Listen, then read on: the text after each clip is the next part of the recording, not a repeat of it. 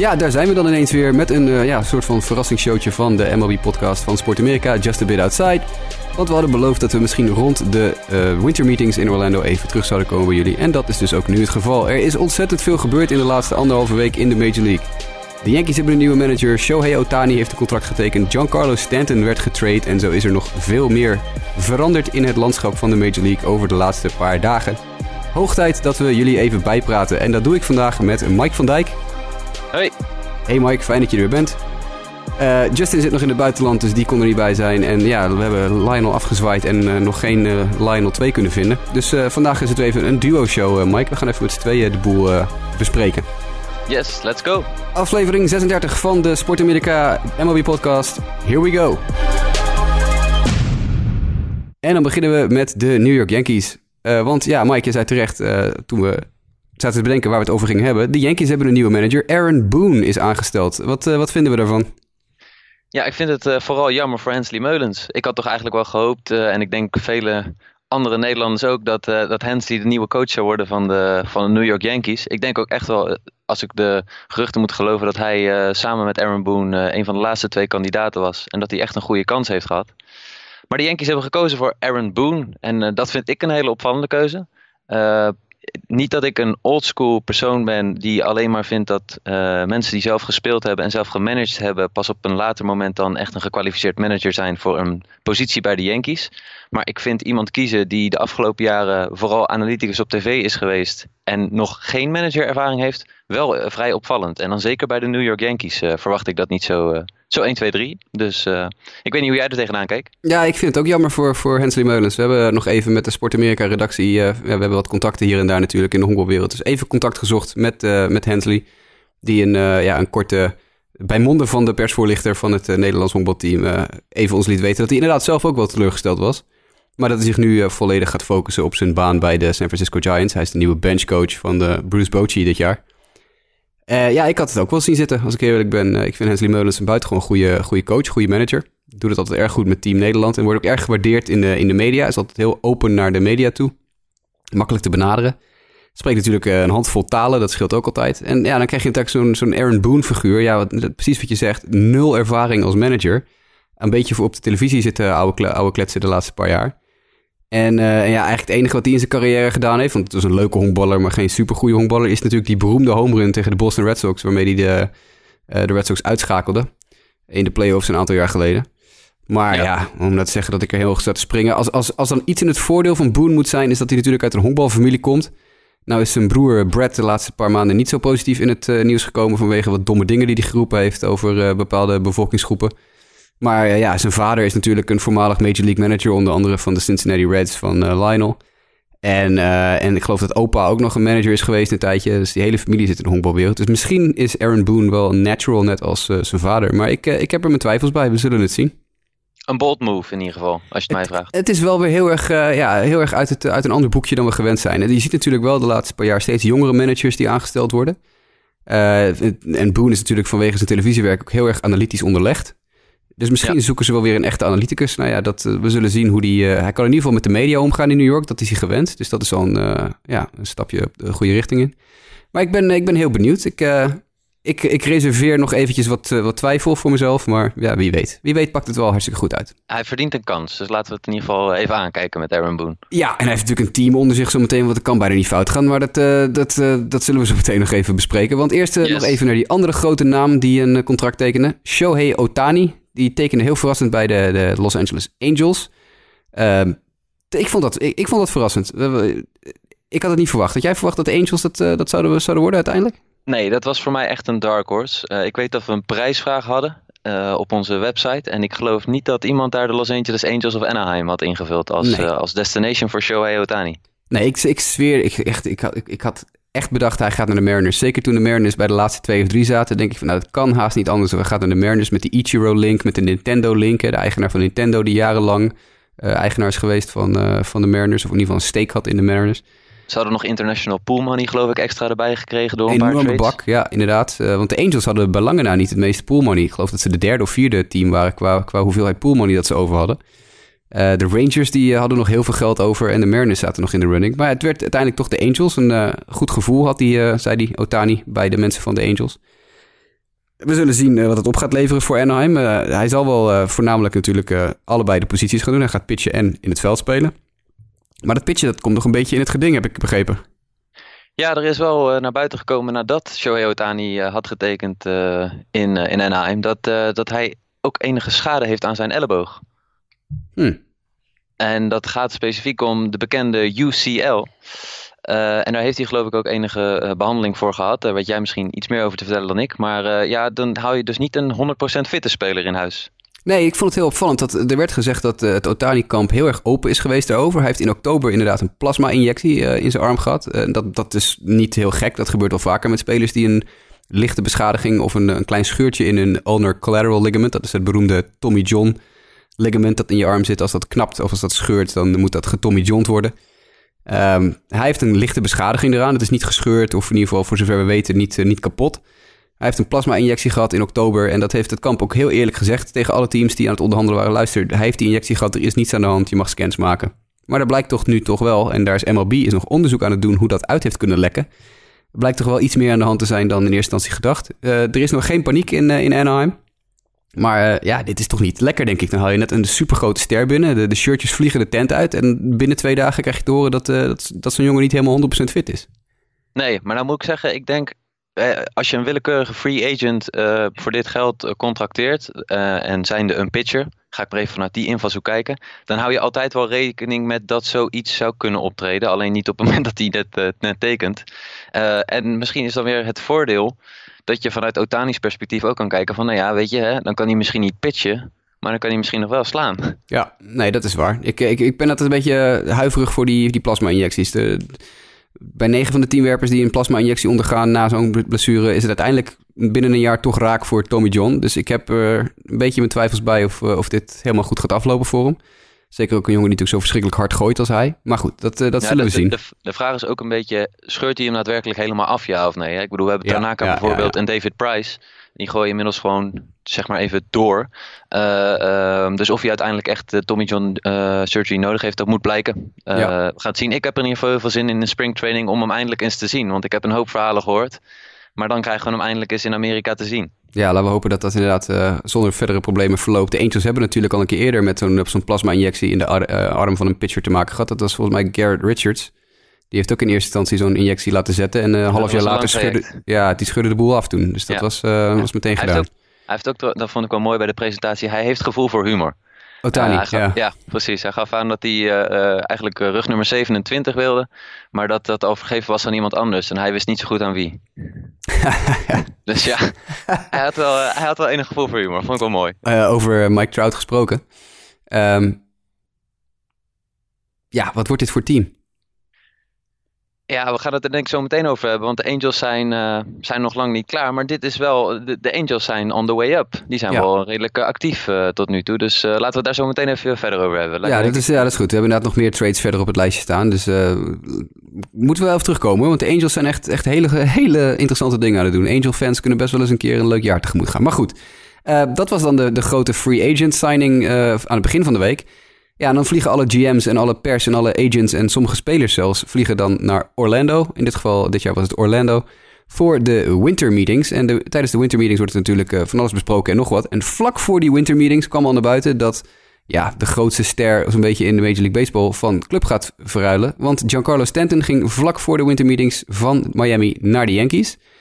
Uh, dit, dit is een, uh, een dingetje wat misschien nog wel een staartje krijgt, hè Mike? Wat, wat vinden we van dit hele proces? Hoe dit, zo, hoe, hoe dit, hoe dit verlopen is? Hè? De, de Marlins die voor, nou, voor scheet en drie knikkers eigenlijk afscheid nemen van hun grote superster. En de Yankees die uh, eigenlijk toch weer Evil Empire worden. Wat, wat moet ik hiervan denken? Ja, het ziet eruit als een soort slechte tussenfilm tussen seizoen 1 en 2 van As the Marlins Turn. Ja, en dat eigenlijk alle hoofdrolspelers in één keer eruit geschreven zijn. Ja. Uh, alleen dan de spelers. Maar ja, nee, Giancarlo Stanton, uh, er waren een hoop geruchten. Uh, hij had gesproken met San Francisco. Hij had gesproken met Los Angeles. Volgens mij had hij ook nog gesproken met St. Louis. En in één keer vallen die gesprekken eigenlijk stil. En geeft hij aan van, nou ja, ik voel eigenlijk wel wat voor New York. En ja, New York voelt ook wel wat voor Giancarlo. Dus die gingen er achteraan. En ja, uiteindelijk hebben de New York Yankees nu Giancarlo Stanton binnen. En ja, dan heb je wel een, een, indrukwekkende, een indrukwekkende line-up met de NL MVP. Jij geeft het ook vaak aan in de gesprekken die we hebben. En Aaron Judge. Nou, tel die home runs maar bij elkaar op. Ja, dat is absurd. Hè? Die, ze hebben van de week even gekeken. Die hebben met z'n tweeën sloegen die bijna meer home runs dan alle Boston Red Sox in het afgelopen seizoen. Dat is absurd ja. voor woorden natuurlijk. Nee, ja, het is heel opvallend denk ik. Hè? Dat de, de, de Stanton is nu de eerste regerend MVP die verkocht wordt sinds Alex Rodriguez in 2003. Toen hij nog voor de Rangers speelde en de MVP Award won. Direct daarna werd hij aan de Yankees verkocht. En nu is Stanton de volgende, dus dat is nou, toch 14 jaar geleden. Um, enorm contract gaat er met hem mee natuurlijk. 295 miljoen euro heeft, uh, dollar sorry, heeft uh, Stanton nog te goed over de komende 10 jaar. En de Yankees gaan er toch wel het merendeel van oppakken. Die pakken 265 miljoen op van dat contract. Dat, uh, dat is echt een stevig bedrag. Ongelooflijk. Maar ik blijf nog steeds me verbazen over de duur van dit soort contracten en de omvang. Ja. ik, ik, je kan gewoon niet verwachten, tenminste ik ga er niet vanuit, dat een speler zo lang, zo steady performt dat hij dit contract rechtvaardigt. Nou moet ik zeggen, afgelopen seizoen was Giancarlo natuurlijk het dik en dik waard wat hij uh, verdiend heeft. Maar goed, ik heb hem vaak zat die seizoenen ervoor met blessures zien afhaken. En ik vind het wat dat betreft ook wel een gamble van de Yankees. Ja, dat is inderdaad een beetje het punt. Hè? Hij heeft zoveel blessures gehad. En natuurlijk niet allemaal zijn schuld. Hè? Die, die bal die in zijn gezicht kreeg toen, dat is natuurlijk niet zijn schuld. Maar toch, hij is inderdaad elk seizoen eigenlijk wel een keer een periode uitgeschakeld. Dit seizoen voor het eerst niet. Nou, dan zie je gelijk wat er kan gebeuren als, uh, als Giancarlo fit blijft. Maar uh, ja, het is een behoorlijk bedrag, 265 miljoen. Uh, Starling Castro gaat van de Yankees naar de Marlins en twee prospects. Nou ja, Starling Castro, ik weet niet, denk je dat hij lang bij de Marlins blijft? Ehm, nou ja, dat, dan breng je eigenlijk gelijk de vraag naar voren van wat gaan de Marlins het komende jaar en de komende jaren doen? Ja, en nou ja, dat is voor mij nog niet echt duidelijk. Het probleem is een beetje ook natuurlijk dat Castro natuurlijk wel een contract heeft van 7,5 miljoen dollar dit jaar. En de Marlins zijn overduidelijk bezig om, om elk contract dat maar een beetje geld kost uh, te verkopen. Dus ik denk dat die ook gewoon uh, Starling Castro gaan shoppen zometeen. Het was, het was, uh, het was ze niet te doen om, om Castro te krijgen, denk ik, deze trade. nee. Dit was echt een salarisdump, denk ik. Dat, dat is nou niet echt een missing piece in Miami nee. iets Dus als ze inderdaad... Kijk, en we hebben het in het verleden, is mijn beleving wel vaker gezien bij Miami... dat ze gewoon hun grote spelers wegdoen. Alleen dan vaak voor goed talent en mm. echt jong talent. En ik betwijfel of ze dat hier uh, voldoende terug hebben gekregen. Nee, dat ben ik met je eens. Uh, laten we dan gelijk doorschuiven naar die twee prospects die uh, de Yankees naar de Marlins sturen. Dat zijn Jorge Guzman, een rechtshandige werper, en 18-jarige korte stop Jose Devers. En dat is inderdaad het neefje van Rafael Devers, die bij de Red Sox speelt. Um, ja, nou heel kort over deze prospects. Jorge Guzman was de, de nummer 9 op de top 10 van de Yankees. Uh, is een goede werper, heeft een heel goed seizoen gehad. Was daarvoor een beetje wisselvallig. Kwam uh, van de Astros over in de Brian McCann trade. Er waren twee werpers die van de Astros naar de Yankees gingen toen um, de Astros McCann kochten van de Yankees. Uh, een van die twee was Jorge Guzman. heeft een heel goed jaar gehad, gooit heel hard. Is best een leuke speler en hij komt ook zeker in de top 10 van de Marlins terecht, want die hebben bijna geen prospect. Um, maar dat is nog eventjes afwachten wat ermee gaat gebeuren. En dan heb je nog die 18-jarige korte stop, die Jose Devers. Dat is best een leuk talent. Best een interessante jongen. Zeker op defensief gebied. Heel goede korte stop. Maar ja, die is 18. Dus die, die zien we over jaren misschien een keer pas in de Major League. Dus dit was echt, uh, echt een salarisdump. Ja, ik, ik vertrouw altijd een beetje op jouw uh, uh, visie op wat betreft prospects. Maar als ik jou zo, behoor, als, als ik jou zo hoor, dan, dan twijfel ik of we deze jongens echt op MLB-niveau gaan terugzien. Ja, Guzman denk ik wel. Uh, zeker op korte termijn. Uh, die had 88 strikeouts in, in 66 innings afgelopen jaar. Maar dat is wel single A, hè? Dus, hij is 21, dan zit in single A. Dat is op zich niet heel gek. Uh, daar was hij heel goed, maar je moet even afwachten wat hij in double A gaat doen. die Jose Devers, daar kan ik niks over zeggen. Die heeft de Dominican Summer League en Gulf Coast League gespeeld. Dat zijn rookie ball affiliates. En ja, daar sloeg hij 2,45. dus dat slaan, dat is niet het dingetje voor Devers. Maar die is defensief wel heel erg goed. Ja, en die Guzman, ja, iedere werper die 100 mijl per uur of meer gooit, die heeft een kans om de majors te halen. Uh, En dat doet hij. Dus ik bedoel dat. Uh, en, en wat ik zeg, 88 strikeouts in 66 innings, maar zet er ook even maar 18 walks tegenover. Dus hij heeft die 100 mijl per uur ook nog onder controle. Ja, dat is meestal wel een. Uh, goede combinatie. Ja, een goede combinatie. Dus die, die, die zie ik nog wel over een paar jaar in de majors verschijnen. Of die echt een superster wordt, nee, dat denk ik niet. Maar nuttige major leaguers zijn ook belangrijk voor een ploeg als de Marlins, die ja, natuurlijk helemaal geen diepte hebben in de minors. Dat minor league systeem is echt een puinhoop. Dus die zijn een beetje aan het proberen om, uh, om dat op te krikken. Ja, één vraag over Stanton nog. Ja. Um, Stanton gaat van de National League naar de American League. ja, de Yankee Stadium ligt zijn swing volgens mij heel erg. Ja, absoluut. Maar ik heb vaak zat spelers van de National League naar de American League zien gaan. En dat lukte niet helemaal. Nee, het is, het is even afwachten. Hij moet zich aan gaan passen aan de pitching natuurlijk. dat is al dingetje één. maar dat moet de pitching ook aan hem. Dus dat is een, een dingetje dat van twee kanten gaat. Voordeel voor de EL, voor Stanton, is dat hij niet altijd in het veld hoeft te spelen. Dus dan kunnen hij en Judge misschien de DH-duties afwisselen. En dat zou betekenen dat hij misschien een grotere kans heeft om het hele seizoen fit te blijven. Als hij niet het hele seizoen in het veld hoeft te staan. Dus dat zou dan wel weer in het voordeel spreken van de move naar de EL, denk ik. Oké. Okay. MVP het voor komend seizoen, denk jij? Altijd. Oké. Ja, toch? Ja. ja. dat denk ik wel, toch? Ja, dat, ja nee, dat is wel een van de grote, grote spelers die we op dit moment hebben in de Major League. Ja, is fantastisch. Die combinatie met uh, Judge natuurlijk wordt, uh, dat wordt door de lachen gieren brullen, man. Als ik een Yankees-fan uh, was, zou ik me helemaal, helemaal gek lachen nu. De bleachers worden druk bezet komend seizoen. ja, dat denk ik ook wel, ja. Dat, nou ja, dat wordt, dat wordt een, ja, een leuk, leuk seizoen voor de Yankees. als ze nog even hun pitching staff een beetje bij kunnen werken, dan zijn we die, zien we die zo weer terug in de, in de playoffs. De Marlins gingen nog even verder met, uh, met de uitverkoop. Want tijdens de winter meetings, die dus op maandag begonnen en doorliepen tot en met donderdag, uh, verkochten ze ook hun, hun All-Star en Gold Glove outfielder Marcel Ozuna. Die ging dan daadwerkelijk naar de Cardinals, ondanks dat de Cardinals Stanton misliepen. Um, voor vier prospects, komen we straks nog even op terug. Maar even, Mike, vanaf de Cardinals gezien. De komst van Ozuna, wat doet dat nou met die franchise op, op zowel de korte als de lange termijn? Wat gaat dit ze brengen? Nou ja, Marcel Ozuna is een twee time All-Star vorig seizoen en afgelopen seizoen. En is echt iemand die in mijn ogen het afgelopen seizoen vooral is doorgebroken. Uh, de Cardinals zochten eigenlijk wel naar een, een goede outfield bed. Hè, vroeger hadden ze natuurlijk ook nog uh, Matt Holiday. Maar ja, nu hebben ze een outfield van Marcelo Zuna, Tony Pham en, en Dexter Fowler. Ja, dat is toch wel een, eh, een, een leuke line-up en een leuke uh, buitenveld. Dus ik denk dat het zeker een goede veel is. En als je dan ook kijkt naar de contracttechnische zaken van deze deal. Uh, Ozuna kan geloof ik nog twee seizoenen voor een voordelig contractsalaris spelen. En daarna zullen ze hem mogelijk moeten verlengen. Maar daar kunnen ze nog even mee wachten. Ja, ik denk dat ze dat ook doen hoor. Ik, kijk, als je nu natuurlijk een contractverlenging aan Ozuna geeft... dan hij komt van zijn beste seizoen uit zijn carrière af... En hij was echt goed dit jaar. Hij was echt, ja, echt supergoed. Echt een zeer ondergewaardeerde speler. Uh, ja. Echt indrukwekkende cijferlijst die op de statspagina van uh, Baseball Reference heeft staan nu. Maar als ze hem natuurlijk nu verlengen, dan betalen ze de hoofdprijs voor hem. Want hij komt van een supergoed seizoen. Maar als hij nu weer een goed seizoen heeft, dan die prijs wordt niet heel veel hoger. Want veel beter dan hoe hij dit jaar speelde, kan hij bijna niet nog een keer spelen. Dus als hij nu dit jaar vaststelt, dit is mijn, mijn basislijn, zo'n speler ben ik. Dan krijgt hij een supergoed contract. Maar dat zou hij nu ook krijgen. Dus ik denk dat de Cardinals één seizoen wachten met een, een verlenging aanbieden. Stel je voor, hij, valt, hij stort dit seizoen helemaal in. Dan kunnen ze hem goedkoop een langere deal aanbieden. En als hij supergoed is weer, net als afgelopen seizoen en het jaar ervoor... Dan, dan kunnen ze altijd nog zeggen, nou ja, dit is blijkbaar jouw baseline. Hier is je contract en dat is het wel ongeveer waard. Dus ik, uh, als ik de Cardinals was, zou ik nog een seizoen wachten met een uh, verlenging. Ja, en hij is ook relatief jong nog, hè? Ja, hij is 27 geloof ik. Ja, geloof het wel. Of 26. Maar ja, weet je, we, we hebben het hier wel over iemand die de Gold Glove heeft gewonnen afgelopen seizoen en de Silver Slugger. Ja. Uh, dus uh, ik zou zeggen, een goede deal voor de Cardinals. Maar wat geven ze ervoor op? Ja, nou ja, dat is een beetje het punt. Uh, ze hebben uh, vier prospects de kant van Miami opgestuurd. Sandy Alcantara, dat is een, een werper. outfielder Manuris Sierra. En twee pitchers, Zach Gallen en Daniel Castano. Ik, ik heb me een klein beetje verdiept in die jongens. Alcantara en Sierra, dat zijn bekende namen in het prospect verhaal. want dat zijn ja, echt, echt goede, goede, goede spelers. Uh, McNorris, Sierras en, uh, en Alcantara. Allebei uit de top 10 van de Cardinals, de prospect top 10.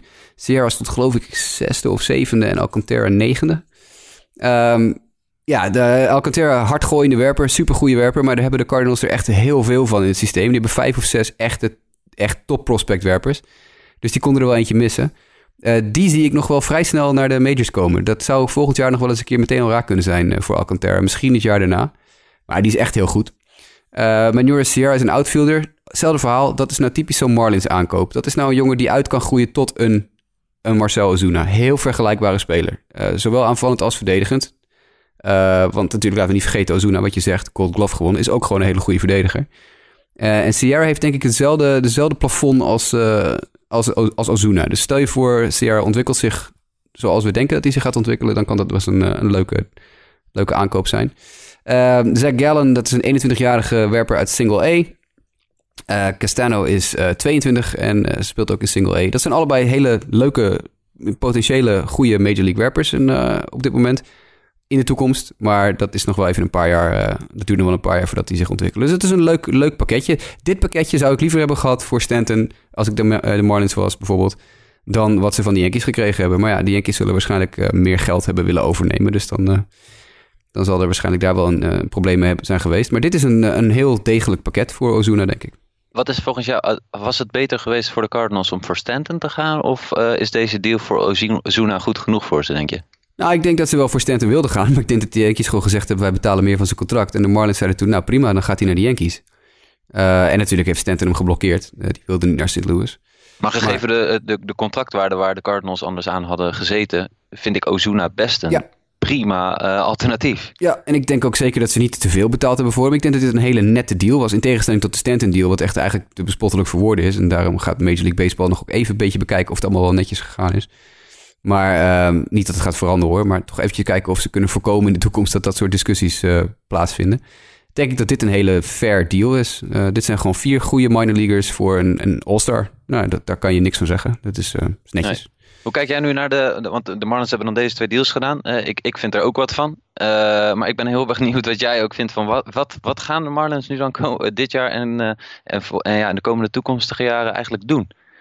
Want het is eigenlijk gewoon een, een ordinary salary dump. En, en laat me zeggen, alles wat je ongeveer hebt, waarvoor wat geboden wordt en wat een, een beetje salaris verdient, wegdoen. Ja. Uh, waarvan ik denk, ja, als fan van de Marlins, wat, wat, wat, wat ja.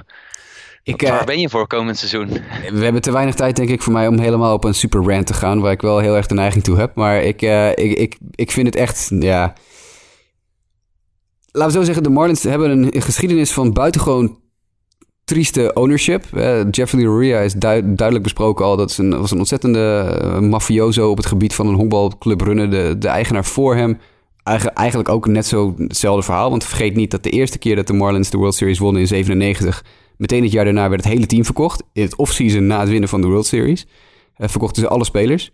Dus het is niet, niet zo dat Loria dat verzonnen heeft of zo. Die is er gewoon mee doorgegaan toen hij de club overnam. En dan krijg je nu Sherman en, en Jeter. Jeter eigenlijk als gezicht. En dit is wat je krijgt als je een, een groep de, de team laat kopen... dat eigenlijk het team niet kan betalen. Hè? Want er komt nu, je, je noemt het al even as de Marlins turn... er komt nu weer naar buiten dat, dat er gewoon nog extra investeerders gezocht moeten worden. Want deze investeringsgroep die de Marlins gekocht hebben... kunnen het niet betalen. Die kunnen niet en de kosten voor de club betalen... en het bedrag dat ze moesten neerleggen om de club überhaupt over te nemen. Ze hebben gewoon het geld niet.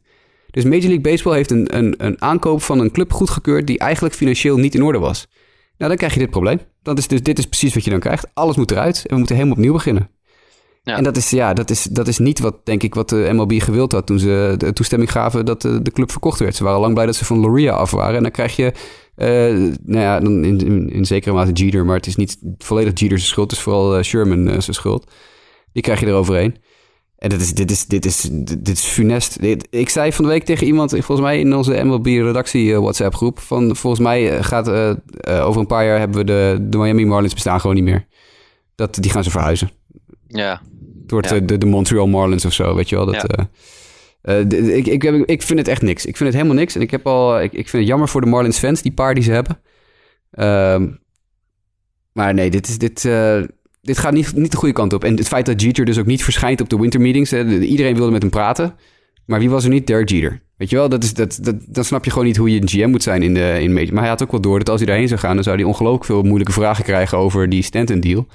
En dat hij niet zo zin in. Dus hij liep ervoor weg. Dus ook Jeter doet dit niet goed. Dus dit is eigenlijk gewoon een grote pleursbende bij de Marlins nog steeds. Zo, zoals wel vaker bij As the Marlins turn to be continued. Ja, echt. Nou, laten we hopen van niet. Want dan moet ik weer zo lang uh, zeikverhaal zitten houden. Helemaal geen zin in. Er waren meer trades? Er waren meer trades. Wat we zijn bij de Cardinals, want die hebben Ozuna aangekocht. En ja, dan ben je bij Ozuna, heb je dus een in je outfield uh, staan. En dan kan er dus eentje weg, want ze hebben er meerdere outfielders. En dat werd Steven Piscotty. Die werd verkocht aan de Oakland Athletics voor twee eh, nou ja, prospects die we niet eens gaan noemen. Dat zijn twee niet noemenswaardige prospects. Maar uh, voordat we bij Piscotti even gaan praten over waarom, het waarom erachter, achter deze trade. Uh, voor de Athletics, laten we daar positief in knallen. Wat, wat doet deze trade nu, Mike, voor de Oakland Athletics? Het aankopen van Steven Piscotty. Want de Athletics hadden toch ook al een gewoon gevuld outfield? Yes, nou wat het vooral inhoudt betekent dat de uh, defense van Chris Davis voortaan uh, verleden tijd is uh, waarschijnlijk bij de Oakland Athletics. Want die wordt waarschijnlijk op het eerste honk geplaatst of een fulltime DH.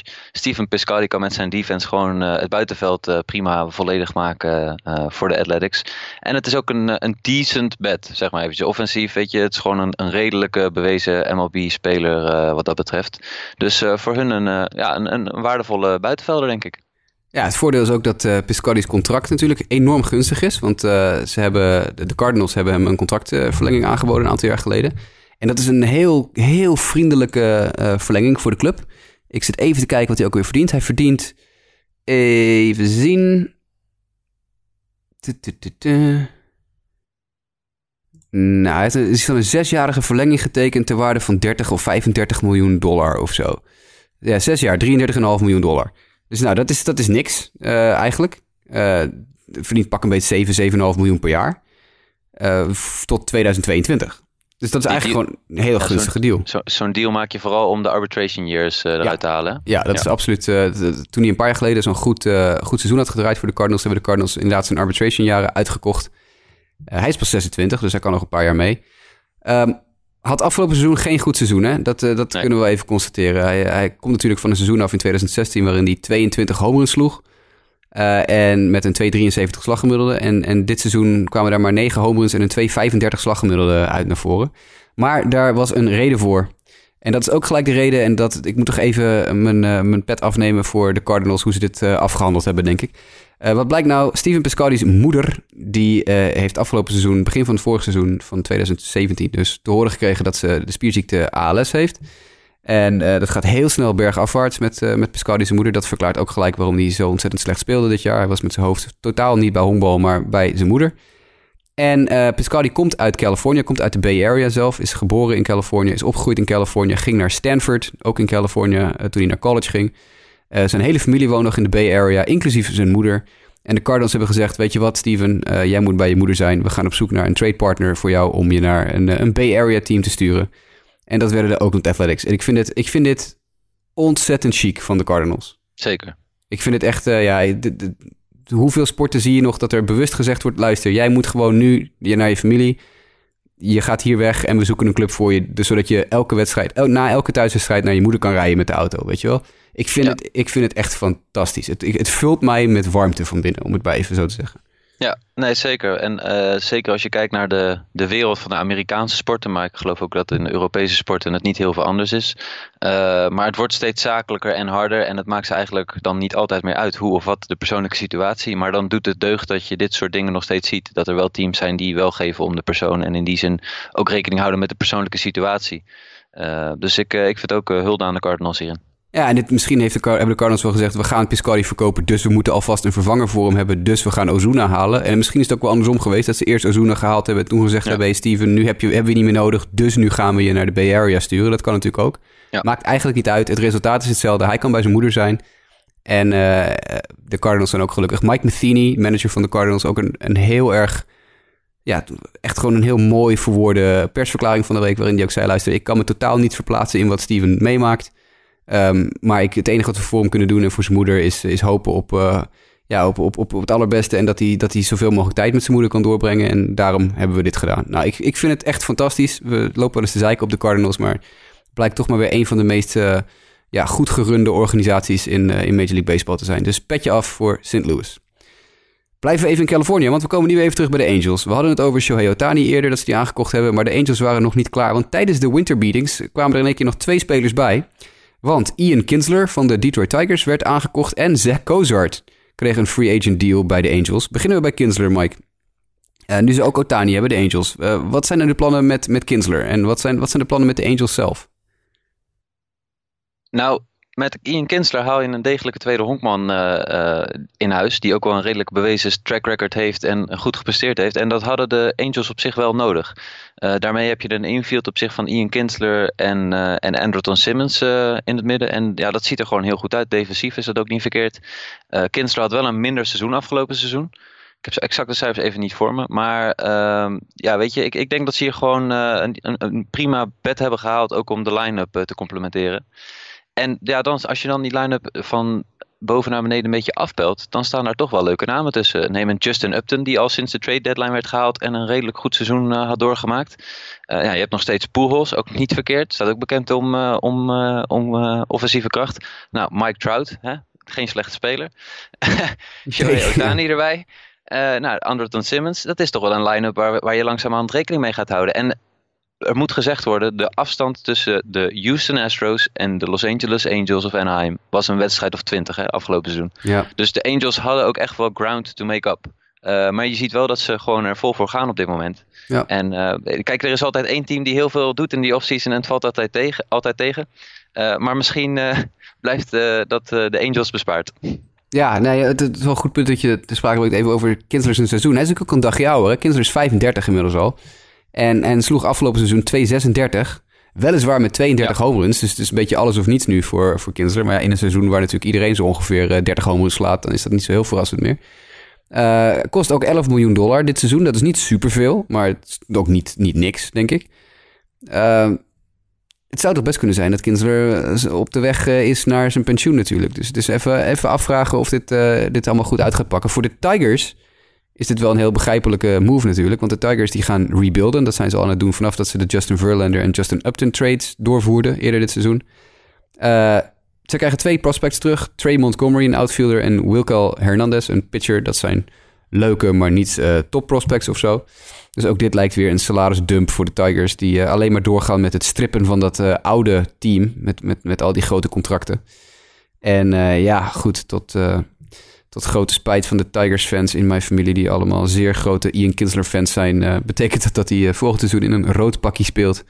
En niet meer in het Detroit wit of grijs. Ja, maar ik moet ook zeggen, de uh, Angels hadden dus ook al Brandon Phillips eerder gehaald uh, om dat tweede honk uh, op te vullen daar in Los Angeles. Nou, die liep, zijn contract liep af. Ehm, en dan hou je eigenlijk met in Kinsler een vergelijkbare speler. Ja, ik denk dat...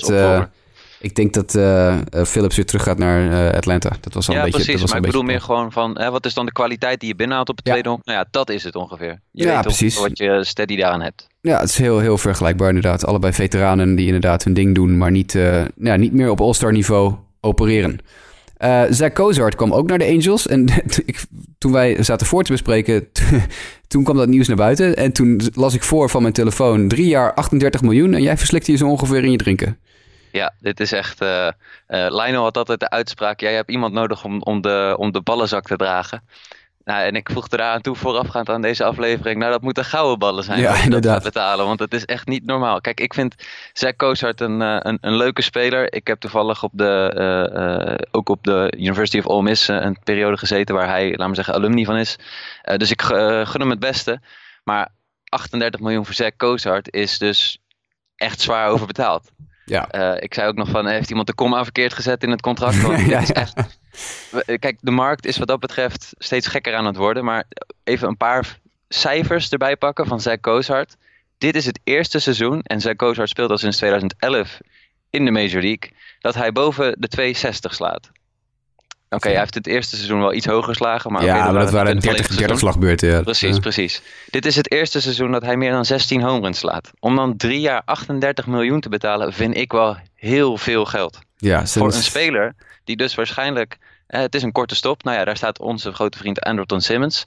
Tweede honk staat Ian Kinsler waarschijnlijk. Dus waar ze hem gaan plaatsen ben ik ook nog even benieuwd naar. Ja, ik ook. Uh, mo mogelijk op het derde honk of iets dergelijks. Of dat er iemand anders verschuift. Maar uh, misschien dat je dus een part-timer zoveel geld betaalt. Dat kan ik me eigenlijk niet voorstellen. Nee, ze gaan hem een vast plekje geven. Het, derde honk zal ongetwijfeld uh, zijn plek worden. Maar de vraag is maar, kan die daar uit de voeten? ja, ik ben het helemaal met je eens. hij, hij, sloeg inderdaad voor het eerst in zijn carrière een beetje redelijk gemiddeld bij elkaar. Sloeg ook, even kijken, acht home runs meer dan zijn vorige career high. Dat was vorig jaar. Maar ja, goed, het, hij was een all-star hè, afgelopen jaar. Dat, hij, werd, hij was op het allerlaatste moment werd hij toegevoegd... en kreeg hij die ezel van Joey Votto... waar uh, Lionel het altijd over had. Ja. Um, en dan betaal je natuurlijk een all-star prijs. Maar ik vind het ook echt heel veel geld hoor... voor een 31-jarige korte stop... die eigenlijk, uh, nou ja, één seizoen nu goed presteert. Op zijn 31ste, weet je wel. Dat, ja, ik, ongelooflijk. Ik, ja, ja, we, we, hebben het wel meer gezien. We komen straks nog bij een contract wat ik ook, waar ik ook zoiets heb van... jongens, waar haal je het vandaan om het, uh, om het zo aan te pakken? Maar dit is ook weer een... Uh, ja, een opvallende move. Ik, ik, denk wel dat de Angels een, uh, een plan hebben dit jaar. Die, uh, het, het is uh, alles of niets ook voor Socia, denk ik, hè? Ja, wat mij betreft wel. En kijk, weet je, nog één ding over Cozart. De analytics vandaag de dag gaan veel verder dan wij af en toe kunnen zien. Dus misschien zijn wij hier iets niet in Zack Cozart wat zij wel zien. Ja. Maar ik denk inderdaad met de investeringen die er nu gedaan zijn. en Mike Socia, die de laatste jaren volgens mij in mijn beleving één keer eerst is geworden. Maar de andere seizoenen toch redelijk tweede of derde vaak is geworden in de divisie. En niet Mhm. altijd de postseason heeft bereikt. dit kan nog wel eens een... een een, uh, een, belangrijk jaar worden voor hem. Zijn contract loopt ook af na einde van volgend seizoen. Dus ja. Ja, nou, dat, dat kan nog wel eens een kwestietje worden voor, uh, voor hem. Uh, in ieder geval ook opvallend dat de Angels zoveel veteranen halen. Hè? Kinsler, Cozart, allebei ruim boven de 30. Of in ieder geval boven de 30. Uh, spelen al jaren in de Major League. Ze hadden natuurlijk Phillips inderdaad al. Dus ze gaan ook win wel een now. beetje... Ja, het is echt win now voor de, voor de Angels. Niet zo van, we gaan even bouwen aan de toekomst. Hebben ook totaal geen minor league systeem. Echt nul. Uh, dus wat dat betreft is dat ook uh, wel een idee. Maar ja, goed. Oké, okay. Zach Cozart, drie jaar, 38 miljoen. Verdient dus dit jaar meer dan 12-voudige All-Star Ian Kinsler. Uh, maar goed, dat, ja, dat is een ander verhaal. Ja. Uh, dan gaan we naar het volgende puntje. Dat zijn, dat is, ja, dit is ook op, dit is opvallend, Mike. En er is echt een run op relievers geweest tijdens de winter meetings. Aan de lopende band kregen relievers grote contracten. Uh, pakken we de eerste eventjes. Even kijken. Steve Cishek was de meest recente. Die gaat naar de Cubs. Uh, wat, wat, uh, wat, wat gaan de Cubs met Cishek doen, denk je? Wordt het een closer of wordt het een setup man? Ik denk een setup man, maar mocht de closer twijfelachtig worden, dan kan hij hem prima closen. Bewezen. Ja, ja het is wel opvallend. Hè? Cishek niet goed hè, de laatste paar jaar, maar die krijgt toch een tweejarig contract. En daar verdient hij ongeveer nou, ergens tussen de 12 en 14 miljoen per seizoen mee. Uh, in totaal mee, sorry. Uh, dat, is, dat is echt wel een stevig, stevig contract. Meer dan 6, 7 miljoen per jaar voor een reliever die een paar jaar al ja, toch een beetje teleurstellend presteert. Ja, maar de Cubs nemen dit soort risico's. En Ja, ik zie ze ook wel als organisatie in staat om, laten we zeggen, het juiste naar boven te halen in Steve Cishek. Dat wisten Ja. ze ook te doen met, eh of dat wisten ze ook te doen met eh, mijn grote vriend eh Cahill. Ja. En die wisten ze ook weer op het juiste pad te krijgen. Dus ik, ik vertrouw in dat wel toe. Ja, ze hebben een hele goede pitching coach net aangesteld ook. Jim Hickey van de Tampa Bay Rays uit de oude Joe Madden coaching staff. Want ze hebben hun eigen pitching coach Chris, Chris Bazio, die ook echt fantastisch is. Dat, het feit dat Chris Bazio nog geen nieuw, nieuw, nieuwe club heeft, vind ik echt adembenemend. Dat, slaat helemaal nergens op. Want volgens mij is hij nog steeds een eh, free agent coach. Maar goed, Jim Hickey is ook echt een van de beste pitching coaches in Amerika. Dus misschien dat hij met Cishek iets, eh, iets kan doen. Eh, over eh, beste pitching coaches in de majors gesproken. Ik denk dat Anthony Swarzak een bloemetje heeft gestuurd naar Don Cooper van de White Sox. Denk je niet? nou ja, eh, vertel jij het verhaal maar. Nou ja, Anthony Swarzak natuurlijk begin dit jaar in spring training heeft hij een non-roster invite gekregen voor spring training van de White Sox. Onder het mom van, nou, kom maar laten zien wat je kan en als dat is, dan mag je blijven. En Swarzak zei, nou prima. En Don Cooper heeft een week met hem gewerkt in februari en gezegd, je moet dit doen, je moet dat doen, je moet dat doen. En je moet eh, eh, eh, eigenlijk gewoon gaan relieven fulltime. Je moet geen starter meer zijn, je moet gaan relieven. Nou, Swarzak heeft die paar tweaks aan zijn, aan zijn beweging en aan zijn gooimanier doorgevoerd. En krijgt eerder deze week een contract bij de New York Mets. Ter waarde van toch het, leuke bedrag van, even kijken of ik het hiervoor heb, twee jaar en 14 miljoen dollar. Dus Anthony Swarzak is van niet-zeggende non-roster invitee in Spring Training 2017 gegaan naar een van de eerste relievers die van de markt ging. En die krijgt gewoon 7 miljoen per jaar van de New York Mets. Want ja, Swarzak bleek ineens een fantastische pitcher eh, eh, te zijn als hij uit de bullpen kwam en gewoon lekker voluit gooide. Eh 2.33 ERA, 91 strikeouts in 77 innings afgelopen jaar voor de White Sox en de Brewers. Want hij werd natuurlijk halverwege het seizoen aan de Brewers verkocht. Dit is, eh, ja, ik vind het leuk voor hem. Ja, en ook leuk voor de Mets. En ook leuk voor de Mets, want die kunnen er absoluut wel een, ja, een, steady influence in, de bullpen gebruiken. En dat is Swarzak absoluut wel. Het is een van de meest effectieve werpers geweest die ik dit seizoen in de majors heb gezien vanuit de bullpen. Dus nou ja, hij is eh, een strikeout machine geworden en dat is leuk. Eh, Van, van non-roster invitee naar 14 miljoen dollar. Man, ik, ik vind dat leuk voor hem en de Mets. Eh, wat hebben we nog meer? Even kijken. We hebben nog Joe Smith en Hector Rondon die naar de Astros gaan. Wat, wat doen de Astros hier? Ja, die pakken gewoon een aantal bewezen relievers erbij. En die geven ze een, eh, goed contract. En eh, die konden ook wel enige hulp gebruiken in de bullpen. Maar Joe Smith ken ik ook nog uit zijn tijd volgens mij nog bij de Diamondbacks. Eh, ja, het kan dooien, het kan vriezen. Maar de laatste tijd gaat het geloof ik wel goed met Joe Smith. En Rondon is af en toe wat wisselvallig. Maar heeft ook wel goede periodes gehad. Dus de Astros weten wel wat ze doen. Nou, dat denk ik ook, ja. En, en natuurlijk Smith... ik zit even zijn stats op te zoeken, want ik wil even kijken of hij ook in Arizona gegooid heeft. Dat heeft hij niet. Dan Eh, heb ik een andere Smith in mijn Dat hoofd. denk ik ook. Dat- Er zullen er vast meer in de majors rondgelopen hebben. Eh, van, van 2007, even kijken. Mets, Indians, Indians, Indians, Indians, Angels, Angels, Cubs, Toronto, Indians. En nu dus naar eh, de Houston Astros. Dit is denk ik gewoon puur een reactie op die implosie van die, die jongens in de bullpen bij de Astros aan het eind van de World Series. Hè? Die, die jongens als Ken Giles, die, die het op hun broek kregen. Ja, dat denk ik ook. Ja, nou ja, goed. Joe Smith is inmiddels een jaar of 33. Ja, 33 jaar. En heeft uh, een driejarig contract gekregen, geloof ik. Ja, uh, nee, twee jaar. Twee jaar, 15 miljoen. Dus dat is wel eens een beetje de markt, hè, zie ik hier nu. Dus een beetje, als je het vergelijkt. C-check twee jaar, 12 tot 14 miljoen. Uh, Swarzak twee jaar, 14 miljoen. Smith twee jaar, 15 miljoen. Blijkbaar betaal je dus pak een beetje tussen de 7 en 8 miljoen voor een reliever in de Major League. En ja, er is gewoon op dit moment veel vraag altijd naar bullpen arms. Ja, ja dat klopt. Nee, Jeff Lunau van de Astros, die, de GM van de Astros, zei in een persverklaring dat ze zijn aan het focussen op pitching, voornamelijk op het relieverfront. Uh, maar ze houden altijd een, uh, een open mind op het gebied van uh, ja, een andere starter of het opschudden van hun bullpen om door bijvoorbeeld één of meer starters naar de bullpen te verschuiven. Dat zag je ze al een beetje doen afgelopen jaar met, hoe heet de knakker ook alweer, Brad Peacock.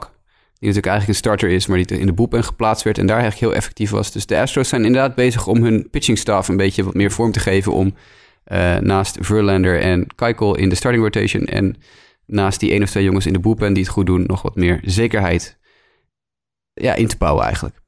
Mag ik even een korte... Uh, ik, ik bedoelde Joe Thatcher. Daar had ik Joe oh, Smith kijk, mee andere Joe Thatcher. Nou, hier. Oh, maar dat is ook een sidearm pitcher volgens mij. Nou, dus dat, dat, is, dat is het.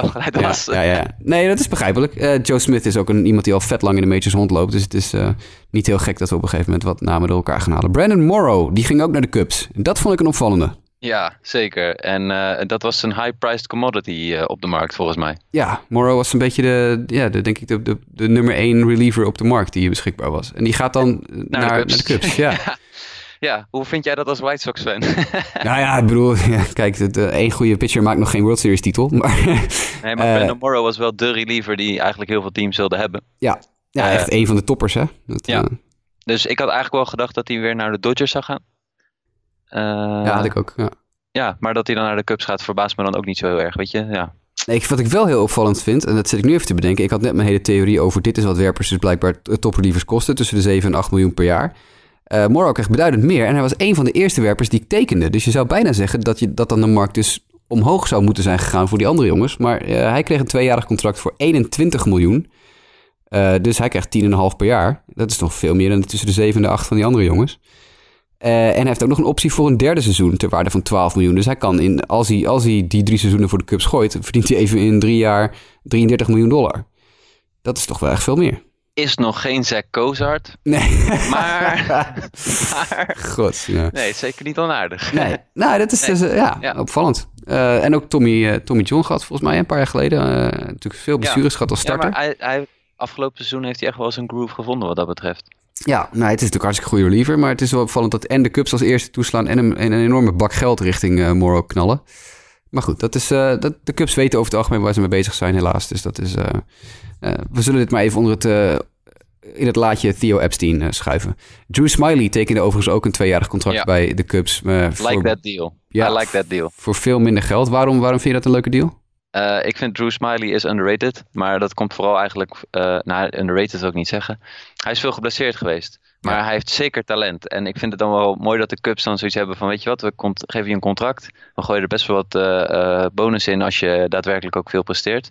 maar hij is ook nog herstellende van een blessure. Dus ik, ik vind dit op zich wel echt een, een goede gok van de Cubs. Ik denk ja. dat deze wel nog eens gunstig voor ze uit kan pakken. Ja, hij ligt het eerste, eerste halfjaar van het seizoen ligt hij er nog uit waarschijnlijk. Hij komt terug van Tommy John. Uh, maar vanaf halverwege het komend seizoen zou hij ongeveer terug moeten kunnen komen. Nou, hij verdient uh, 2 miljoen, sorry, 10 miljoen over de komende twee jaar. Dus 5 miljoen per jaar. Nou, dat is een koopje, denk ik. Ja. Voor een lefty. Uh, inderdaad, wat je zegt, een bonus-heavy contract. Dus uiteindelijk kan hij alles bij elkaar 12,5 miljoen dollar verdienen. Maar zijn gegarandeerde bedrag is 10 miljoen. Ik vind het ook wel een leuke, ja, leuke, leuk idee. Lukt het niet, dan is het ook geen ramp voor de Cubs, denk ik. Nee. Uh, nog meer. Luke Gregerson ging naar de Cardinals. Nou, daar heb ik niet zo heel veel over te zeggen. Heb jij er iets over te melden? Nee. Nee, ja, eigenlijk niet. Ja, ja. ja, het is een heel degelijke werper toegevoegd. Ze hebben een arm erbij in de bullpen en er eentje die ook wel inderdaad uh, een goede track record heeft. Ja, precies. Nou, dat was ook waarschijnlijk de reden dat uh, de Astros weer andere jongens moesten opzoeken. Brian Shaw, want ja, Gregerson die zit ook altijd stabiel bij de Astros meestal. Ja, Brian ja. Shaw die ging naar de Rockies. Uh, voor een, een, behoorlijk stevige deal volgens mij. Ik moet hem even snel opzoeken. Volgens mij was het een drie, drie jaar, jaar. Zoiets, ja. Even kijken. Ja. Uh, heb jij hem voor je of niet? Even kijken. Brian Shaw, nee, ja. Volgens mij, die was me niet ontgaan, die deal. Nee, drie jaar inderdaad 9 miljoen per jaar. Dus ook hij verdient iets meer dan het gemiddelde tot nu toe. 30 ehm, jaar is Shaw, dus die kan nog wel drie jaar mee, denk ik.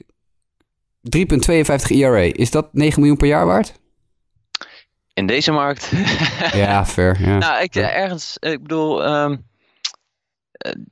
hij, is niet, hij, is niet, hij is niet lights out of zo. 3,52 nee. ERA is niet lights out. Nee, klopt. Zeker niet. Maar uh, hij is wel... Uh, hij, hij, hij krijgt het wel gedaan, laat maar zeggen, in de wedstrijden. Uh, en ik denk in die zin, weet je, je betaalt niet gek veel voor hem, maar het kan ook nog wel eens veel beter uitpakken. Want volgens mij heeft hij daarvoor ook mindere periodes gehad. Ja, ja, ja, puur op basis van onderbuik, maar dat weet jij thuis wat meer van. Maar ik uh, ken hem nog vanuit zijn Diamondbacks periode. Ja, hij heeft wel bij de Diamondbacks. Daar is hij, ja, ja, ja. ja, ja, ja. Uh, dus, uh, en ik vind wel dat hij zich zeker in Cleveland positief heeft ontwikkeld. Uh, dus, en, en, ja, jij wilde hier ook gaan beginnen over de Rockies bullpen. Ja, daar hadden ze een soort van behoefte om het nog even beter te maken. Nou, dat gaat lekker. Ja, hij komt vanaf zijn, van zijn slechtste seizoen uit zijn carrière af. Echt waar? Ja, ja, ik heb het even voor me staan nu. Dit was zijn slechtste seizoen van zijn carrière. Als je puur naar ERA kijkt, hè, dat is puur naar, uh, naar, naar ERA. Uh, en uh, even kijken, wat hebben we nog meer? Ook heel veel walks, niet de meeste uit zijn carrière, maar wel veel. Nee, maar het is wel een bullpen arm die al, laten we zeggen, een aantal jaren op Major League ja. de hele seizoenen doormaakt. Nou, dat is het. Hij is heel, heel erg durable. Hij heeft het in zijn carrière al een keer 80 wedstrijden, daar voerde hij de majors mee aan. Hij heeft een keer 75, uh, daar voerde hij de majors mee aan. En 79 wedstrijden, daar voerde hij als reliever de majors mee aan. Dat was afgelopen jaar. Dus hij is inderdaad heel degelijk, heel erg betrouwbaar. Hij raakt nooit geblesseerd. Maar eh, ja, nog opvallend dat hij toch nog 9 miljoen per jaar krijgt voor uh, een... Ja, na een seizoen dat hij, uh, dat hij eigenlijk niet, niet zijn eigen goede zelf was.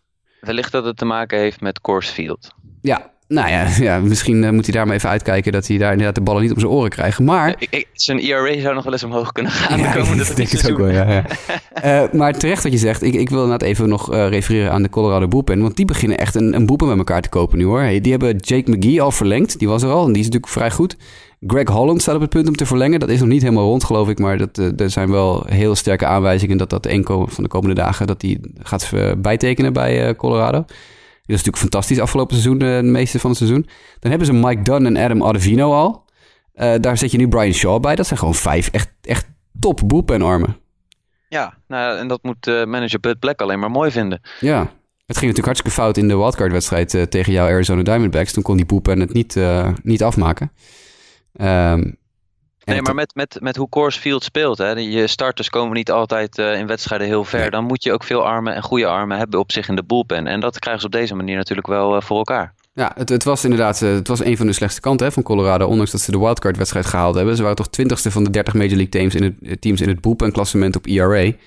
En natuurlijk, ja, als je dan geen lights-out relievers hebt, dan is het heel moeilijk om ja, om succesvol te zijn. Dus ik denk dat ze heel, heel duidelijk hebben gezegd in Colorado... we moeten beter worden in de bullpen. En dat doen ze dus op deze manier. Um, Michael Pineda, die gaat naar de Twins. Gaan we naar de volgende. Michael Pineda, naar de Twins. Nou, zeg er maar wat over, Mike. Ja, uh, nou ja, ik denk... Ja, de Twins die raakten wel enige armpjes kwijt... zoals die van Bartolo Colon. Dus die moesten wel een starting pitcher erbij halen. Maar ik vind het wel... Ja, ik, ik ben altijd wel fan geweest van Michael Pineda. Maar ik zat ook zijn cijfers te bekijken... van zijn periode in New York... Uh, ja, is dat dan een succes? Vraag ik ook gewoon even aan jou. Ja. Jij, Michael Spinjay, zijn tijd in New York een succes. Hij heeft zeker laten zien dat hij dominant kan zijn. Ja, maar hij heeft natuurlijk veel blessures gehad. Uh, ik, ik weet het niet. Ik weet niet dat hij. Uh, ik zit even op te zoeken wat hij voor wat hij, wat hij voor wat voor contract hij getekend heeft. Hij tekent twee jaar. En bedrag is nog niet. Bedrag staat hier nog niet ah. bij. Oh, oké. Uh, nee, wat, wat, wat ik verder wel 10 miljoen, 10 miljoen, 10 miljoen. 10 miljoen, ja. Nou ja, dat is niet verkeerd. Uh, maar wat ik nog wel fascinerend hieraan vind, is gewoon als je kijkt, hoe kwam Michael Pineda binnen in New York? Uh, Gary Sanchez ging geloof ik toen, oh nee, Gary Sanchez niet. de eerste honkman. Montero. Jesus Montero. Ja, ja. Dat was het grote talent van de Yankees. En dat ging voor het grote talent van Seattle geruild worden. En als je dan nu, een aantal jaar later, kijkt naar beide spelers, dan hebben we Jesus Montero eigenlijk niet meer ergens op de Major League niveau zien spelen. En Michael Pineda is een respectable number three, misschien af en toe number two starter in een rotation. Ja, en hij, dat- hij is nu ook, eh, ook met Tommy John nog op de, eh, op de plank, hè? Dus hij moet ook nog eh, herstellen van zijn Tommy John. Dus ook, Ja. ook daarvoor geldt weer. Dat is een speler waar je een paar maanden niet over kan beschikken als je de Nee. Twins bent.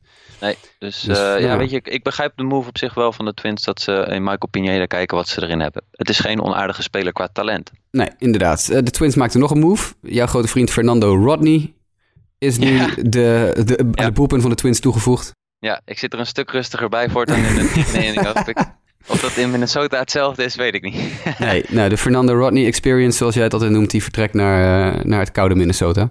Ja. Dus eh, we zullen zien wat daar... er eh, was veel interesse voor Fernando trouwens. Eh, ik geloof dat Ja. de Detroit Tigers ook interesse hadden. Maar oké, als de Twins en de Tigers erachteraan zitten, dan weet je, en de Diamondbacks zelf ook, ja, dan weet je ook ongeveer eh, wat voor teams het Fernando Rodney meestal speelt.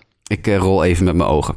Eh, er is, terwijl wij zitten te praten, komt er officieel nieuws naar buiten. Het was al een beetje bekend dat eh, de deal eraan zat te komen, maar het is nu rond. De Phillies hebben Pat Neshek eh, weer toegevoegd aan de, de die natuurlijk halverwege het seizoen naar de Rockies werd gestuurd door de Phillies. En nu is hij dus weer terug in Philadelphia. Pat Neshek is 37 jaar oud en heeft een tweejarig contract met een optie voor een derde jaar getekend, ter waarde van 16,25 miljoen dollar. Voor een 37-jarige werper is dat niet verkeerd. Denk ik. Nee. Wil je verder doorpakken op de Phillies? Want die hebben het afgelopen uur, twee uur, eh, twee, drie Ah, spelers erbij gehaald. Man, nou, laten we gelijk de Phillies er dan even bij pakken. Eh Freddy Galvis, de korte stop, is naar de Padres gestuurd. Eh, ja, ik vind Freddy Galvis een vrij niet-zeggende speler. Wil jij iets kwijt over Freddy Galvis? Nee. Nou, dan gaan we maar mooi even door, want dan hebben we zoiets van... prima deluxe, eh, Freddy Galvis naar de Padres. Eh Eniel de Los Santos, een rechtshandige werper, minor league werper, is teruggestuurd naar de Phillies. Grote deal wel voor de Phillies. Carlos Santana. De free agent eerste honkman heeft een contract getekend bij de Phillies. Ter waarde van, even zien of ik het tevoorschijn heb hier. Heb jij het voor je staan of niet? 60 miljoen. 60 miljoen. Goedemiddag. Goedemiddag. Dan krijgt Carlos Santana even 20 miljoen per jaar. Ik denk dat Eric Hosmer thuis even de champagne opentrekt. ja, die moet nog tekenen. Dus, eh, en dit is natuurlijk wel een speler die in, eh, in zijn categorie ongeveer ook eh, zat te vissen en ietsje beter is. Dus ja, ik, ik denk dat hij inderdaad enthousiast is. Maar vanuit de Phillies perspectief een opvallende move. Ja, wat gaan ze doen met Reese Hoskins? Die blijft dus nu in het outfield. Waarschijnlijk wel. Ja, hij heeft een paar keer in het linksveld gespeeld afgelopen seizoen. Maar het was toch in principe de bedoeling dat hij vanaf dit seizoen eerst honk zou spelen. En daar, eh, daar kiezen ze dus blijkbaar eh, niet voor in, eh, in Philadelphia. En ik ben ook heel erg benieuwd wat de reden is dat je dan Carlos Santana op zich binnenhaalt. Iemand die vooral DH heeft gespeeld ook voor, voor Ja. Cleveland. Ja. Dat is natuurlijk een positie die je bij de Phillies niet kan bekleden. Maar het is wel een gunstig stadion voor hem om in te slaan. Nou, ik denk dat dit eigenlijk betekent dat als Hoskins naar, naar het linksveld gaat... want eigenlijk was het outfield van de Phillies al bekend. Hè? Dat zou Aaron Altair, Nick Williams en Odubel Herrera zouden de drie outfielders zijn. En dat zijn alle drie echt bovengemiddeld goede spelers. Ik denk dat er een van de drie nu op het tradeblok gaat. Ja, nou ja, eh, ik, ik, durf eh, niet op de refresh button te klikken. Maar ik weet- lees net ook dat Tommy Hunter getekend heeft in Philadelphia. Dus ik weet niet wat er het volgende uur gaat gebeuren. Oh man, maar dat nou, zou zomaar iets kunnen zijn in het outfield van de Philadelphia Phillies. nou, de Phillies gaan helemaal los, man. Nou, ik, ik vind het, eh, voor mij is dat interessant. Ik vind, ik vind zowel Altair als Williams... Ik denk niet dat Herrera op de tradeblok gaat... maar het zullen of Williams of Altair worden. Dat vind ik allebei echt heel, heel goede spelers. Ja. Dus ik bedoel, eh, daar kunnen de Phillies nog wel wat uithalen. Maar ik vind het veel geld hoor, voor Santana. Drie jaar, 60 miljoen. Poeh, Ja, ik vind dat, Ja. eh, ik vind dat stevig. Maar dat is, een, eh, we hebben het net over een aantal contracten die we eigenlijk allemaal wel stevig vinden. Het is ja, vergelijkbaar met de voetbalwereld.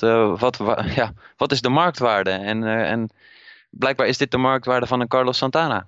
Nou, ik, ik vind nogal wat. Nogmaals, Eric Hosmer zal zich in zijn handjes knijpen... want die gaat ook veel meer verdienen dan hij waarschijnlijk van tevoren gedacht had. En dit is ook gunstig eh, natuurlijk in zekere mate voor teams... die nog een, eh, een eerste hongman willen traden natuurlijk. Die een goedkope eerste hongman op de payroll hebben staan. Ik noem even een Jose Abreu. Er was al wat gerucht aan het begin van de week... dat Abreu geshopt werd naar onder andere de Red Sox... die wel interesse zouden hebben. Eh, die natuurlijk ook heel veel gelinkt worden aan Hosmer. Hè. De, de, zowel de Padres als de Red Sox worden veel gelinkt aan, aan Eric Hosmer. Ehm, ja, Abreu is op dit moment goedkoper om te halen, denk ik. Zeker, en ik ben een groot fan van Jose Abreu. Dus als Ja. je die binnen zou kunnen halen, dan eh, Ja, ik ook. zou ik Ja, tekenen. Maar, eh, ik zou ja, het jammer ik, eh, vinden, maar Nee, maar ik denk dat we ook echt pas aan het begin zitten van die hele offseason. Hè? Ja. er, er gaat echt nog best wel veel gebeuren volgens mij. ja, JD Martinez die gaat ook nog een, nog een deal tekenen natuurlijk. Maar goed, daar komen we straks nog even op terug. Wat hebben we nog meer aan trades? We zijn er bijna doorheen door het lijstje. We hebben de Chase Hadley van de Yankees naar, terug naar de Padres in ruil voor Jabari Blash. Nou ja, wat vind jij van Chase Hadley naar de Padres? Heeft dat, is, is dat zinvol voor de Padres? ik denk dat het een leuke speler is voor de Padres om terug te hebben. hij heeft in zijn San Diego tijd op een gegeven moment wel zeker goede dingen laten zien. bij de Yankees is het niet altijd heel gelukkig geweest. Nee. Dus Nee, ja, ik, ik, ik, heb ook nog niet echt een beeld bij de Padres voor komend seizoen. Als ik nee, dat is een beetje. Ik denk dat ze gewoon even één of twee veteranen nodig hadden om dat hele team met jonge honden een beetje onder controle te houden. En Hadley is een bekend persoon, precies wat je zegt. En, uh, en is een veteraan, dus die kan die jonge gasten een beetje onder controle houden. Jabari Blash, dat is een speler die naar de Yankees gaat. Dat heb ik altijd een hele leuke speler gevonden. Jammer genoeg heeft dit in de Major League nooit kunnen waarmaken. Maar in AAA was dat altijd een fantastische speler. Dus ik zit nog altijd een beetje te hopen dat, uh, uh, dat Blash een soort Chris Davis, Chris met een C Davis doorbraak gaat hebben laat in zijn carrière. Want Chris Davis met een C was natuurlijk altijd ook een, een AAA superster. Maar in de majors deed hij nooit wat. En ineens uit het niets had hij het door. En ik hoop dat Jabari Blash dat ook gaat doen. Want dat is een leuke, leuke speler. Voor de Yankees ook. Um, volgens mij waren dat alle deals die we hadden. Ik zit nog even te kijken of er wat nieuws is bijgekomen. Er is niets nieuws bijgekomen. Uh, dat betekent dat we eigenlijk nog maar één dingetje te doen hebben. Of eigenlijk, nou, misschien twee. Even kort. De Manny Machado geruchten. Begin deze week kwam er buiten dat de Baltimore Orioles Manny Machado aan het shoppen zijn. Heel druk aan het shoppen zijn. En ineens gisteren en eergisteren ging het heel hard hè, met de, eh, de geruchten rondom Machado. Ja, het, uh, het kost even tijd voordat onze podcast ook beluisterd wordt in Baltimore. Maar in juni hadden we het er al over dat de Orioles moesten cellen bij de trade deadline. Nou, het seizoen zit erop. En nu beginnen ze te praten over een deal voor Manny Machado. ja, nee, maar Manny Machado's contract loopt af. Ik geloof dat hij iets van 11 of 12 miljoen komend seizoen nog verdient. Uh, maar als je daar nog uh, leuke talenten voor terug wilt hebben. En Baltimore zit natuurlijk op zich in een modus dat ze waarschijnlijk komend seizoen niet competitief gaan zijn, denk ik, in die AL East. Uh, dus die willen kijken wat kunnen we nog terugkrijgen voor, uh, voor Manny Machado. En daar zijn heel veel teams in geïnteresseerd. Ja, en uh, de, de teams die het meest genoemd worden zijn eigenlijk geweest de, de, de, Red Sox, geloof ik. De White Sox, de Phillies. Wat hadden we meer? De Giants, geloof ik, zijn nog genoemd. En de Cardinals. Waar nou, dus echt in mijn beleving een paar aparte vogels tussen zitten. Neem de Giants en de White Sox. Of nee, niet de Giants, uh, de White Sox en de Phillies. Ja, nee, de, ja, de Phillies die doen allemaal dingen die ik allemaal niet begrijp. Wat wil je met één seizoen Manny Machado? Uh, ja, nee, ik heb het lijstje even voor me trouwens. De White Sox, Yankees, Phillies, Cardinals en Giants inderdaad. Dat waren de, de teams die, uh, die interesse hebben getoond. Ja, ik, ik snap het ook niet. De, de Cardinals hebben een heel sterk bod gedaan op Machado. En voor de Cardinals is het dan wel weer begrijpelijk. Bill, uh, Bob Nightingale van USA Today tweette gisteren dat de, het, sterkste bod gedaan was door de White Sox. Nou, daar krijg ik het heel warm van. Zowel vanwege het feit, oh jee, Machado komt naar de White Sox, dat is leuk. Maar aan de andere kant wil ik ook weer niet te veel top prospects kwijtraken. Want dat zijn mijn jongens inmiddels. Die hebben mij door dit jaar heen gesleept. In het jaar waar we bijna niks wonnen. maar inderdaad, wat je zegt, de Phillies, ja, geen idee wat die ermee zouden moeten. Giants, ik zou het ook echt niet weten. Die gaan ook nergens heen dit jaar. Dus en ja, zonder, zonder, dat je een contractverlenging met Machado weet af te sluiten, heeft deze deal wat mij betreft alleen voor een contender echt zin. Nee, absoluut. Uh, en dat is ook wat geloof ik heel veel teams hebben gevraagd. Er werd meerdere keren getweet door reporters dat uh, uh, de Baltimore GM gezegd heeft van we, gaan absoluut niet toestaan dat een team dat de Machado aan zou willen kopen een exclusief onderhandelingswindow zou krijgen van bijvoorbeeld 72 uur om alvast nu een contractverlenging te onderhandelen met Machado. Het is natuurlijk wel bekend dat bijvoorbeeld een team als de White Sox en waarschijnlijk de Phillies ook... Uh, aan het eind van dit seizoen Machado zouden willen contracteren als hij een free agent is. En dan zouden ze best wel bereid zijn om 10 jaar en 320 miljoen naar Machado te gooien of zo. Dat, dat, dat, dat moet je wel vanuit gaan dat dat het gaat kosten. Maar ja, als hij natuurlijk nu tussentijds naar een ander team gaat, uh, dan krijgt hij eigenlijk een heel seizoen de tijd om exclusief met dat team te gaan onderhandelen. En een contractverlenging daar te regelen. Ja, dat, ik denk dat een van de redenen dat dit soort teams nu proberen om dan maar via een trade binnen te halen, is omdat ze dan een heel jaar hebben om een contractverlenging met hem te onderhandelen. Dan heb je dus eigenlijk een heel jaar exclusieve uh, uh, onderhandelingsrechten. Maar ja, je wilt natuurlijk ook niet dat je een paar top prospects naar Baltimore stuurt. En dat hij vervolgens zegt: Ik ga niet bijtekenen bij jullie, ik ga een free agent worden. Dan heb je een paar top prospects weggegeven voor een speler die je inderdaad, precies wat je zegt, een jaar gebruikt, maar totaal niet nodig hebt. Want je wilt toch niet winnen dit jaar. Dus het is een heel gekke situatie. Ik denk dat het niet slim is van de Baltimore GM om zo hard te roepen dat ze geen toestemming geven voor dat onderhandelingsraam. Want daar, daar, daar trek je natuurlijk eigenlijk de waarde van de, de return die je ervoor gaat krijgen mee naar beneden. Want ja. teams vinden het niet interessant om, om dan uh, veel op te geven voor. Nou ja, en eh, er is ook gewoon nog steeds de kans dat Manny Machado uh, tot aan uh, de trade deadline in Baltimore speelt en op dat moment nog weggaat. Ja, ja dat is ook weer waar. Nou, ik, vind het super, super fascinerend dat er een, eh, een ster als Machado zomaar ineens uh, beschikbaar gemaakt wordt. Het is natuurlijk, ja, de Baltimore Orioles kunnen hem niet betalen, want die hebben nog ontzettend veel geld wat ze uh, gestopt hebben in onder andere Adam Jones, Chris Davis en Mark Trumbo. Dus die hebben gewoon het geld niet. Dus ja, ik, ik vind nogal wat. Yes. We zullen zien. Uh, wat hebben we dan nog meer? We hebben nog de Rule 5 draft. Want traditioneel gezien wordt altijd de, de winter meetings worden afgesloten met de Rule 5 draft. Wat is nou de Rule 5 draft? Nou, er staat een heel goed artikel op Sport Amerika door een van onze nieuwe MLB-schrijvers, Kaya Schaaks. Die uh, even uitgelegd heeft hoe de Rule 5 draft precies in elkaar zit. Komt er eigenlijk op neer. Spelers die zes jaar in de minor leagues gespeeld hebben, worden beschikbaar gemaakt voor deze draft. En een team dat dan die speler zou kiezen, moet hem een heel seizoen op hun eigen Major League roster laten staan. Uh, of tenminste 90 speeldagen. Dat is bijna een heel seizoen. En dan mag je hem houden. En zo niet, dan moet je hem terugsturen naar de club waar je hem vandaag gedraft hebt. Dat is gedaan om een beetje wat meer balans te creëren in het minor league systeem. En het was eigenlijk best een interessante Rule 5 draft. We zullen er niet te lang bij stilstaan, want ik ben denk ik de enige in heel Nederland die van de week heeft, uh, heeft zitten luisteren naar de Rule 5 draft. Uh, een paar spelers die ik er even, een paar dingen die ik er tussenuit wil pikken. Tigers hadden de eerste pick in de Rule 5 draft. Die kozen Victor Reyes van jouw Diamondbacks. Um, dat is wel een talent. Ja, het is, het is knap dat je in het farm system van de Diamondbacks nog talent weet te vinden. Maar... nou, Reyes is wel een talent. Dus we moeten vragen of hij ook daadwerkelijk in, in centerfield kan blijven waar hij nu staat. Maar het is uh, een goede slagman. Dus dat is ja, geinig om te zien. Misschien kunnen de Tigers er wat mee. En zo niet, dan sturen ze hem terug naar de Diamondbacks. Uh, ook interessante pick was de tweede van de Giants. Die koos Julian Fernandez van de Rockies. Die gooit, uh, er werd gezegd, Rollis Chapman is de enige werper in Amerika die harder gooit dan Julian Fernandez. Dus dat is uh, ook wel een dingetje. Wel eventjes om in de gaten te houden voor de Giants bullpen. Uh, de Phillies kozen als derde Nick Birdie. Dat is het broertje van Zach Birdie, die bij de White Sox zit. Beide Birdie-broertjes uh, zijn op dit moment met Tommy John surgery liggen die in het ziekenhuis. Of althans, die zijn aan het revalideren. de Twins kozen hem dus wel en hebben hem meteen doorverkocht aan de Pirates. Dan verkoop je dus ook meteen het hele probleem door van dat je hem op je roster moet houden. Dus de Phillies hebben Birdie gedraft en doorgestuurd naar de Pirates. Dus die is nu bij de Pirates. De White Sox kozen Carlos Tocchi van de Phillies... En hebben die doorgestuurd naar de Rangers. De Reds kozen Brad Keller van de Diamondbacks. Ook weer de Diamondbacks. Die werden behoorlijk uh, aangepakt in de eerste paar picks. Brad Keller werd doorgestuurd naar de Royals. De Mets kozen Birch Smith van de Rays. Die werd ook doorgestuurd naar de Royals. Dus de Royals die hebben nu wel twee heel goede werpers erbij. Brad Keller en Birch Smith. Dat zijn echt jongens die dit seizoen kunnen, kunnen meedoen, denk ik, in de Major League.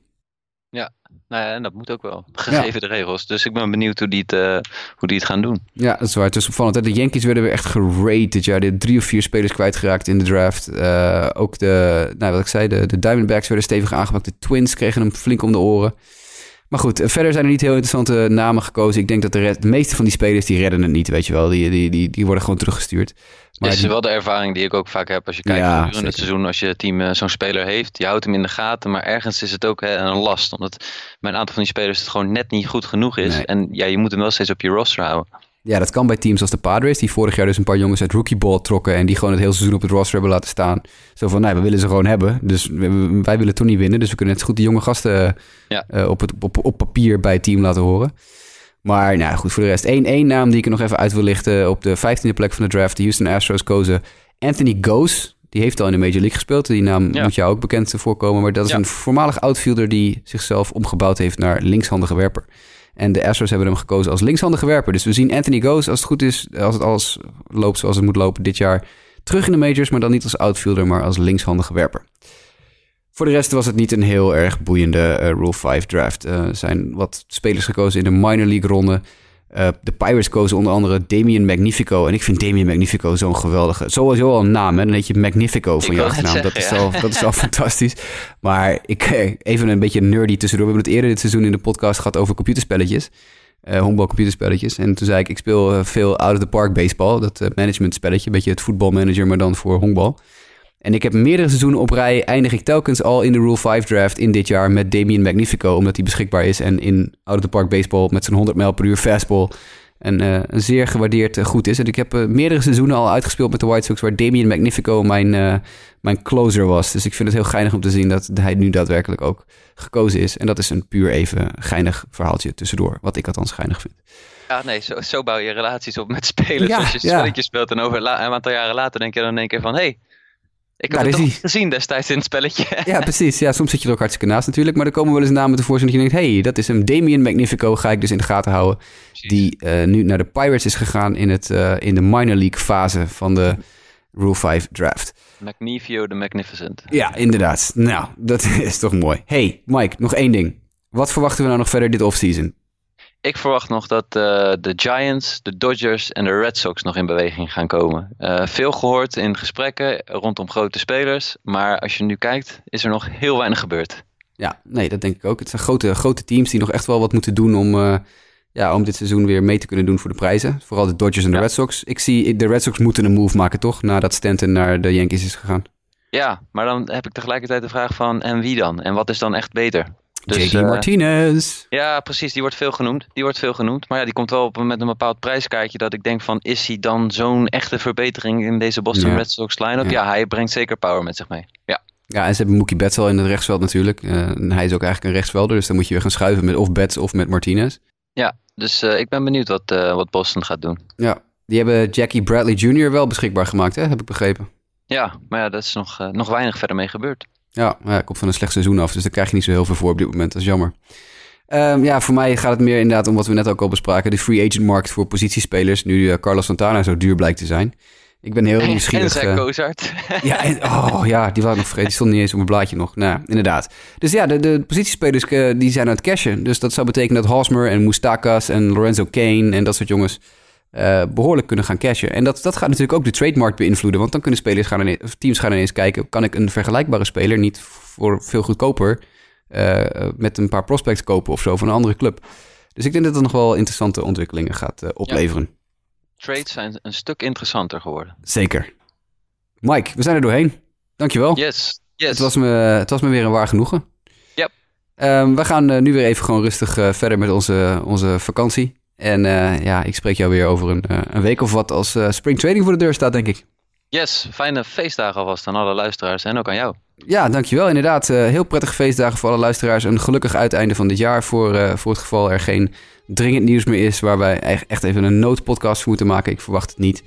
Mocht het wel zo zijn, Mike, dan bel ik je weer op. Komt goed. Alright man. Hey, dankjewel. ik spreek je over een paar weken weer. Luisteraars, bedankt voor het luisteren en tot 2018.